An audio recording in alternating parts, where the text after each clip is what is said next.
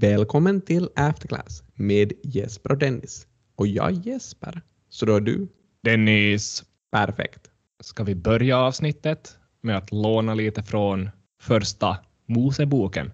Jag hittade någonting nyttigt där så, så kör. Okej, en liten parafrasering från första Moseboken. Så jag tänker så här. Vi sa det att det kommer ett nytt avsnitt nästa vecka och det blev så. Sen sa vi också det kommer text om greedflation i HBL och det blev så. HBLs chefredaktör såg alltså att Afterclass-duon var god så han skilde Afterclass från resten. Det blev alltså ett helt uppslag med Afterclass i Svensk-Finlands största dagstidning. Det var ju inte afterclass på hela uppslaget. Men däremot så det, var det väl Dennis på båda sidorna i det här uppslaget. Det är en rättvis korrigering. Du och jag var ju med text och bild på en sida. Är det ekonomisidan det här då, säkert? Och på andra sidan så står det så här. Pizzakedjan Dennis har gått i konkurs. Ja, man undrar om HBL försökte göra en liten passning till oss där eller om det bara var en, var en helt slumpmässig händelse. Det är väldigt oklart. Men det här var ju Finlands äldsta pizzeriakedja, vad jag förstår. Grundad i Åbo och så vidare. Men det här gör ju också att domänen dennis.fi är tillgänglig. I alla fall fick jag en sån här errorkod 503 site suspended då jag nu försökte besöka den där sidan. Så vad tycker du? Är det rätt att ta från de som ligger? Jag börjar fundera just om det här innebär att den här sidan är ledig eller tillgänglig, det här, både sidan och domänen. Det kan ju också hända bara att de har tagit ner servern för den här sidan. Men dennis.fi skulle ju vara en passlig hemsida för, för kanske dig då. Ja, möjligen. Men kanske jag låter det vara, vara en stund till. Jag läste där i artikeln att, att orsakerna till konkursen är att det är allt färre som äter lunch ute och folk har börjat gå tidigare hem om kvällarna. Den här nuvarande ägaren säger då att han kallar det Netflix-syndromet.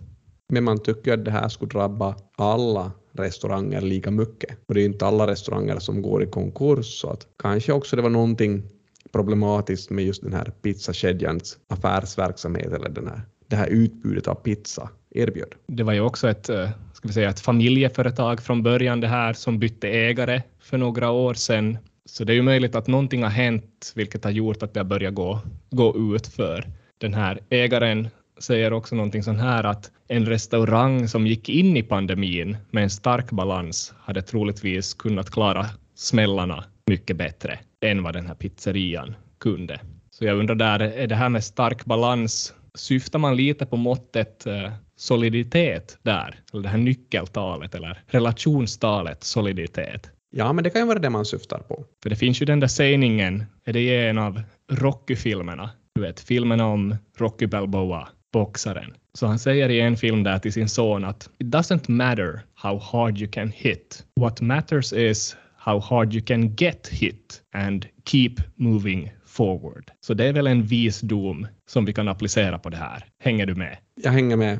Så översätt det här då till svenska. Ja, det ordspråket säger då alltså att det spelar ingen roll hur hårt man kan slå, utan det som spelar roll är hur hårt man kan bli slagen och ändå fortsätta färdas framåt. Ja, men hur ska vi lägga det i det här pizzakontextet? Att gå i konkurs är det ultimata slutet för verksamheten, åtminstone i dess nuvarande form. Så så länge man inte går i konkurs så kan man ju alltid fortsätta utveckla sin verksamhet. Och man kanske då, så länge man inte har gått i konkurs, kan få verksamheten att bli till någonting bra som blir lönsamt på sikt. Ja, men jag tänkte en direkt koppling till det här Rocky-citatet. Att vad betyder att slå här och vad betyder det att få stryk? För jag tänker lite så här att att slå hårt betyder kanske att visa jättestora vinster. Mm.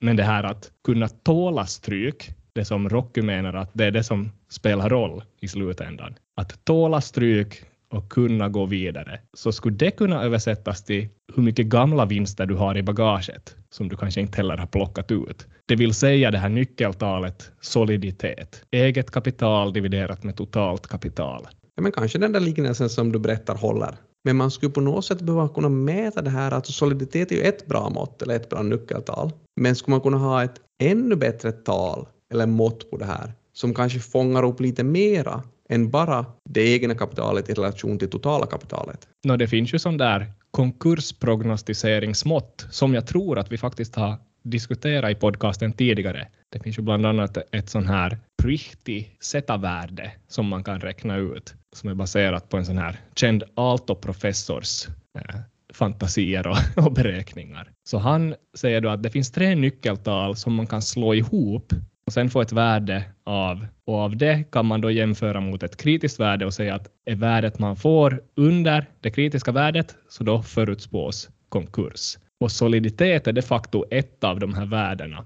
Eller egentligen soliditeten som tvärtom, egentligen att man tar skuldsättning dividerat med totalt kapital. Eller skulder dividerat med totalt kapital. Så ett minus soliditeten. Bra. Så i det här pizzeria Dennis fall, så sista året med data som jag har här, så är skuldsättningen då 200 procent. Att man har två gånger mer skulder än totalt kapital. Men vänta här nu, hur kan skulderna vara större än totalt kapital? Det är väl då för att eget kapital, om man tänker på kapitalstrukturen i en balansräkning, det är antingen eget kapital eller främmande kapital. Så det egna kapitalet här då i pizzeria Dennis fall är negativt och således kan då skulder av totalt kapital, kapital vara mer än 100 procent. Så det här tyder väl på att pizzeria Dennis couldn't get hit and keep moving forward för de hade ätit upp sitt egna kapital. Och det här egna kapitalet äts väl upp då när man gör då förluster. Jag börjar fundera, det första jag vill påpeka här, eller bara nämna, är väl att brittisk modell är väl speciellt utvecklad för finländska bolag. Var det på så sätt? Jo, det är faktiskt, faktiskt som så. Ja, så det var en bisak. Min nästa fråga är då att ta den här brittisk modell alls i beaktan om bolaget har gjort förluster under de här senaste åren eller inte. Det är då ett av de här andra nyckeltalen. Så nyckeltal 1 är just någon slags eh, ROA-mått där man dividerar resultat med totalt kapital. Sen finns ett annat mått som är ungefär likviditetspositionen och sen ett minus soliditeten, alltså skuldsättningen, som skuldsättningsmått. Vi hade ju nämnt två av de här. Jag började fundera på det här. Du sa ett mått på likviditeten, visst var det så du kallade det? Jo. Så om det här ett minus soliditeten fångar upp den här långsiktiga kapitalstrukturen, så vad fångar då det här likviditetsmåttet upp? No, det skulle väl mer vara hur bra man kan ta korta smällar eller snabba slag på ansiktet och betala räkningar på kort sikt. Men då tror jag börjar förstå den här Pritti-modellen. Och du sa att den här modellen kunde förutspå pizzeria Dennis konkurs. Ja, modellen kan förutspå konkurs om det här Z-värdet blir under minus 4,55. Och om jag tar då data några år tillbaka, räknar de här tre nyckeltalen, summerar dem till ett Z-värde enligt Prihtis hemmagjorda formel, så får jag då 2020 sätta värde minus 9 2019 sätta värde minus 7, 2018 minus 7, 2017 minus 6, 2016 minus 6, 2015 är det inte under 4,55.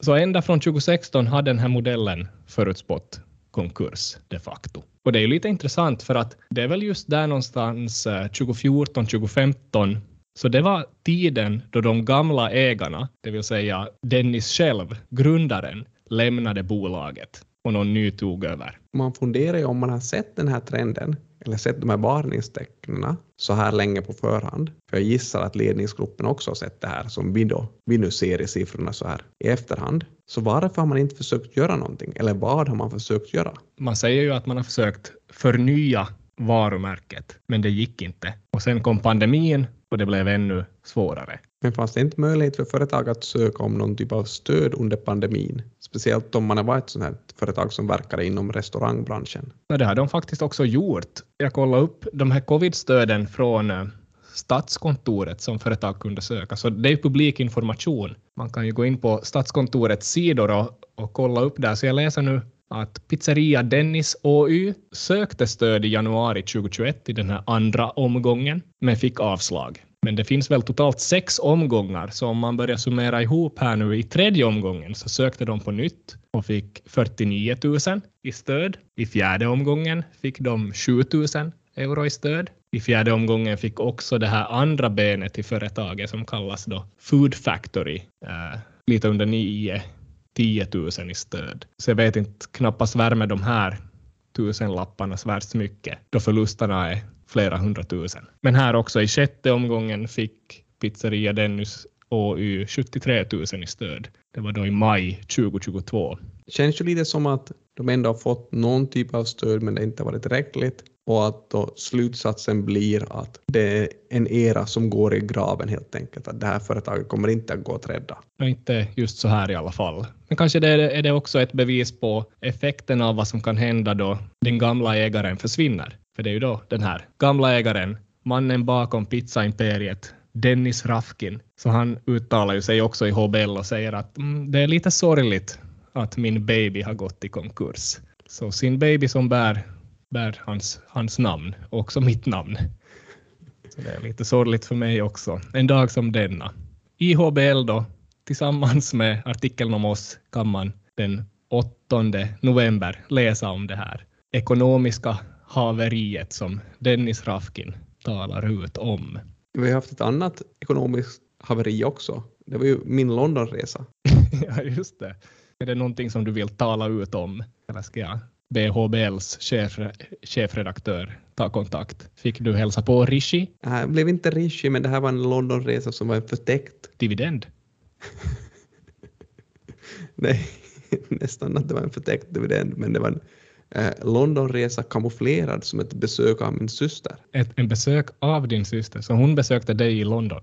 Besök till min syster kanske skulle vara mer rätt i det här fallet. Så du besökte henne i London och det var allt du gjorde? Det är väl bättre att säga att, det att man besöker någon familjemedlem nu för tiden än att man åker på någon typ av nöjesresa. Åkte till London, förhoppningarna var faktiskt den här gången att det skulle vara rätt så billigt i London, för jag har ju följt med den här valutakursen, då, euron mot punden. Och där så är det ju nu på så sätt att en euro ger mig 0,88 pund, vilket är väldigt mycket så här i historiska mått. Om man går tillbaka till sommaren 2015 före Brexit så fick vi bara 0,7 pund för en euro. Ibland funderar om det här också säger någonting om hur lyckat Brexit var. För man kan ju använda valutakursen som ett vitsord för hur bra det går för just det landet. Eller hur dåligt det går för de andra. Ja, man skulle måste säga hur bra det går för det här landet i relation till andra länder. Så du har väl lite rätt där. Så just nu går det ju bäst då enligt det här måttet för USA och det går väl ändå helt okej okay för Europa eller EU och de då EU-länder som har euron specifikt. Åtminstone går det lite bättre för oss än för britterna. Så jag förväntar mig en billig resa till London, eller att jag skulle njuta av London på ett billigt sätt. Men trots den här valutakursen så var London faktiskt väldigt dyrt. Så vad är då, är det en pint man tar på puben? Vad kostar en sån nu jämfört med back in the day? Ja, man börjar på gamla goda, så då tycker jag man fick ett pint sån här John Smiths Extra Smooth, så öl som finns där i London och säkert andra ställen också i världen, för 2,75 pund max eh, 3,50 pund om man var på något lite finare ställe. Och det var kanske de här priserna jag förväntade mig, eller hoppades på. Men nu när man kommer till London så ser man att en pint kostar 5,50 till 6,50 pund egentligen på alla, på alla krogar. Så är det här då det här greedflation som vi uttalade oss om i HBL. Ja, det, man funderar om det inte är på det här sättet. Det känns ju som att när man är i London där det finns flera turister så har då de här krogarna varit beredda att höja på priserna trots att kanske inte de här varorna som krävs för att skapa ölen har gått upp lika mycket i pris. Det kan ju ha varit mindre turister de senaste åren. Och igen, man förstår ju om det skulle bli mindre turister, för det var ju inte bara ölen som var dyr, utan utan lokaltransporten hade också blivit mycket mer. Utan lokaltransporten hade också blivit mycket dyrare. En dagsbiljett gick lös på 14 och 10 pund. Så inte 14 plus 10 utan 14,10. Men där kan man faktiskt spara in lite pengar. Så min syster gav mig ett trix som man kan göra. Så i tunnelbanan så kan man tap in och tap out med ett finländskt eh, debitkreditkort. Så alltså att man betalar med ett finländskt debitkreditkort via den här tap-funktionen. Men det är väl inte så värst bra tricks om man ändå betalar? Grejen är det att om man gör det här med ett finländskt debitkreditkort så dras det inga pengar från ditt konto. Det låter ju ganska sjukt. Ja, samplet som jag har använt mig av här är inte så stort, att det är tre personer, så man kan fråga sig om det här är generaliserbart. Men jag tycker åtminstone det är åtminstone värt att testa det. Är det lagligt? Eller sitter du här och erkänner ett brott? Funderar ju så som skulle hända, hänt om någon kontrollant skulle komma och, och kontrollera det här. Men som jag förstår det så är det nog helt lagligt. Alltså problemet här är ju att det här systemet borde ju ta betalt av en och kanske de fixar det nu efter att vi har berättat om det här. Så vad gjorde du då för alla de här inbesparade pengarna? Ja, jag tog och besökte i War Room. Det är alltså det här Elon Musks War Room som han har bildat för att få Twitter på rätt fot. Nej, det var inte Elon Musks, utan det här var Churchill War Rooms faktiskt. Alltså Winston Churchill. Winston Churchill, ja. Eh, du tog ju upp ett citat här tidigare från Rocky. Så jag tänkte att jag kan ju ta upp några citat från Churchill. Det låter väl bra? Första citatet kommer faktiskt från en konversation med Nancy Astor. Så Nancy säger så här till Winston då, Winston Churchill. If I were your wife, I would put poison in your tea. Varpå Churchill svarar If I were your husband, I would drink it. Ja, snabb replik. Ja, jag tycker den är väldigt, väldigt godkänd den där. Så där 5 plus. Du nämnde ju Twitter här tidigare och på Twitter finns ju ganska många fanatiker. Och Winston hade också ett citat angående fanatiker. Det här tar jag på svenska. Så han sa att en fanatiker är en människa som inte kan ändra åsikt och inte vill byta ämne. Jag hoppas det inte kan tolkas som någon som pratar om samma sak vecka efter vecka. Nej, inte i det här fallet. För om jag tar ett sista Winston Churchill-citat som jag parafraserar lite, för det här är någonting som man kanske skulle kunna säga på Svenska Handelshögskolan, och det är okay. att aldrig i universitetshistorien har så många haft så få att tacka för så mycket. Jag känner mig träffad. Ja, du känner dig träffad som få. På grund av den orsaken kanske vi rundar av och säger att man ska få tacka oss nästa vecka också, för då återkommer vi med nya insikter i After Class.